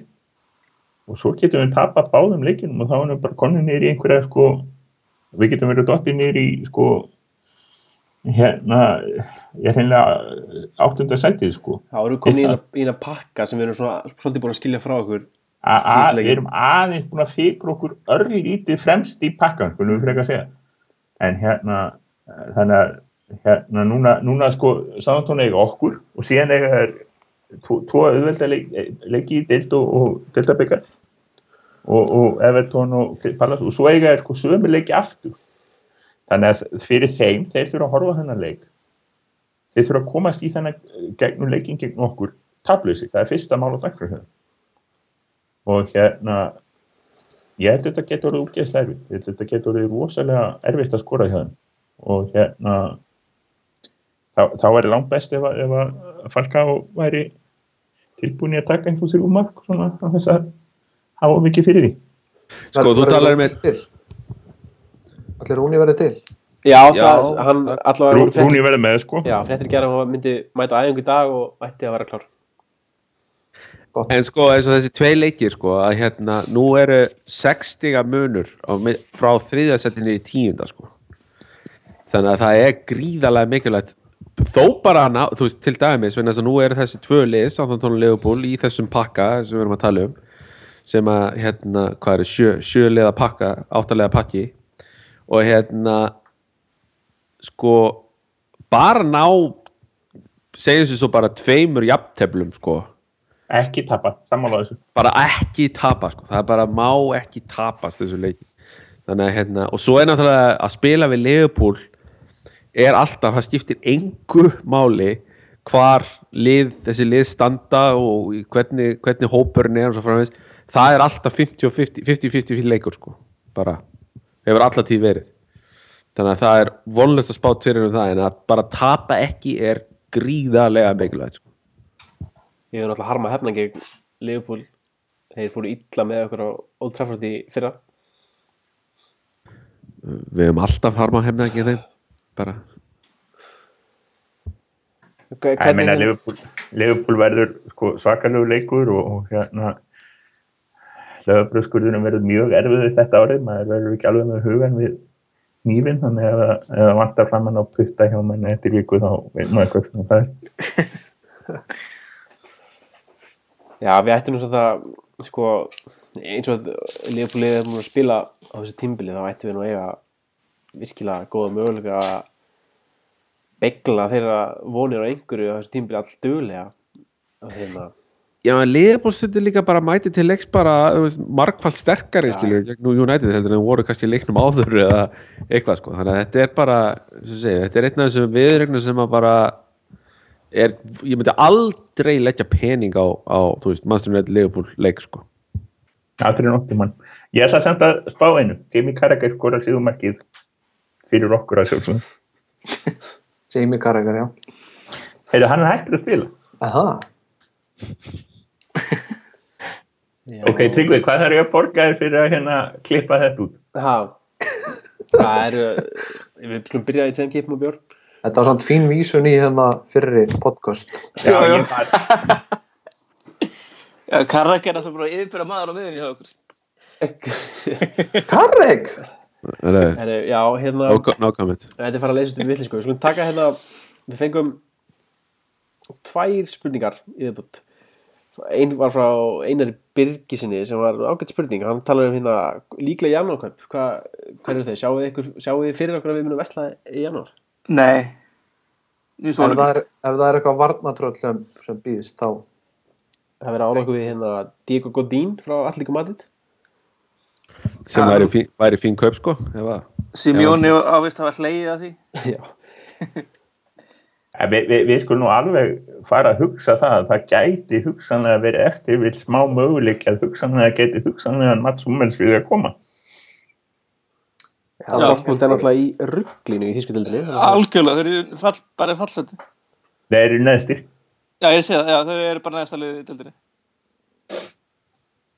Þannig að það er alveg sko það er alveg möguleiki að hérna að, að þeir ákveða upp lið ég meina Godín væri peningin. líklega sko, hann, samt myndi kosta, hann myndi kosta 30-40 miljónir það er það sem við þurfum að bjóða til að sko til að segja Dortmund hérna hafið þið þennan pening. Svo getið þið sko húberað upp sko alla góðu efnilu ódýru þýsku leikmennina úr hinnum beðinu sem er ekki bæinn Sko ég er hrættur nefnilega um að, að þessi heimskulegustu kaup sem ég hef á æfinni heyrt sem var David Luiz til Paris Saint-Germain fyrir 50 miljónir hafi svolítið eðilagt hérna varnamanna kaup pælinguna, þú veist það meikar ekkert sens til dæmis að, að Hummels ætti að vera ódýrari heldur en Louis sko. Nei, nei, Nei, ma maður var- meða bara, maður bara verið stöðu Dortmund. Og það verðist vera allt í svona Já, í ég, er, ég er að segja það sko, Dortmund, við getum bóðið Dortmund, segjum við bjóðum Dortmund 40 miljón, segjum við bara veist, að það verði ákveðið innan hús á Old Trafford. Að taka upp veskið eftir að hafa sko, það er, það er engin kaup gerði í dag og það sé ekki búið að þreifa fram og tilbaka segjum svo að þreifingarna gefið þetta kynna Matsumels í til í að koma. Og hérna og þá ákveðið bara Old Trafford að segja já, við ætlum að kaupa hann. Henn eru 40 miljónir og Dortmund getur ekki sagt neyfi Mér finnst það ólíklegt að Dortmund sko, veist, þetta er fyrsta tímabilið þeirra núna í mörg mörg ár þar sem að allt í henni er allt farið á hliðina hjá þeim sko, þannig að ég myndir kannski ekki Nei, nei, ég, þetta er ekki gefið, þetta er ekki gefið sko. Það myndir nú Nei, ekki, ekki alveg strax Nei, sko. ég held líka sko í þýsku deildinni að það er, ég held að þessi tíu stig frá Dortmund og upp í liði fjórasetti Það er- þetta er um að- Þetta tímbil er eitthvað langt frá að vera eitthvað búið hjá þeim sko. En svo er En, spurning maður, ma- en, en, en það er, ég samanlega þessu, það er eina sem maður getur hugsanlega gerst er eitthvað, er einhver svona biti kemur á markaðin. Svo spurning með Ég spurning sagði hann ekki eitthvað um það hérna í viðtali hann hérna vinnur okkar Edvard Útvart að hérna að þetta væri allt verið að skoða þetta fyrir næsta sumar og það myndi ekkert gerast í janúar nema Hann einhver sumar. sagði samt að peningandi væri til í janúar ef, ef á því þetta halda. Já, ef, ef, einhver, ef einhver sumar targetið sko væri laust. Og það er eitt sem að velti fyrir sig í þessu það er ef Róma tekst ekki að fara áfram í mestradildinni sem er alveg líklegt. Það er alveg bara 50-50 þá er spurning hvort að Strútmann verða á lausu og ég meina það var að koma út bók núna um Vangal og þar segir hérna höfundur þeirra bókar að, að Strútmann og Vangal hafi handsalað það í sumar að, eða í vor. Fyrir háum fyrir HM að, hérna, að Strútmann myndi fara til United. Mm Þannig að það er spurning hvort að það en sko að, að, að mínum að ég, ég myndi, það myndi á óvart ef, ef við myndum kaupa eitthvað í janúar. Ég er það að- bara ekki eða er, eru allir allt í norðin miklu minna stressaðir með miðjun okkar? Já, hún er, það er, e- hún er, það er sko miðan er ekki vandamál, ég myndi segja sko að, að, að sko Vi, vi, vörnin við, sko, við sem að gátum alltaf að hugsa okkur lífið á þess að kaupa sko, strú, Vítal eða eða- vítal eða einhver bara Nei, ég myndi halda að vand, vandamáli væri hérna að koma einhverjum framherja alveg verulega í gang annarkvort hvort það sem er Van Persie eða, eða Falcao og svo kannski vörnin, það er spurning samt, ég, voru gaman að sjá hvernig vörnin höndlar þetta desemberprogram því hún er búin að líta mjög vel út síðustu veikum að reyna það sem ég var að ég sko hérna fyrir í prógraminu þegar ég var að tala um það að þetta, þetta þessi stilling okkar væri aðeins veikari liðum. Það sem ég sagði eiginlega ekki beint út þá var það að ég ég væri svo lítið skeptiskur á hann að gegn sko ég er sérstaklega gegn Liverpool út af því hvernig hasar það verður. Já, það verður náttúrulega, það verður hörkuleikur menn munu, ég fella eini mun, hann verður með olbúinu úti í þeim veik Já, það verður, við erum ekki að fara við erum ekki að fara í leigupúleikin með þryggja manna vörn eins og ég en Arsenal sko. Nei, það er alveg búin og, og, og sko ef við förum með þessa tvo tvo ágættu pilda Valencia og Jón. Ég Já, Raf, Rafael er, þeim, þeim verður sagt að fara ekki mikið fram við miður Já, sko, Rafael er, er, er byrjar að æfa, hann ætti að vera orðið klár. Já, ok, einmitt maðurinn sem að færa rauðspjöldu á múti Já. það var, það var nákvæmlega þessi Það er vantar annað hvort það að fara rautspjald eða hann skorar skeitininn eins og hérna fyrir Úff, tveimur-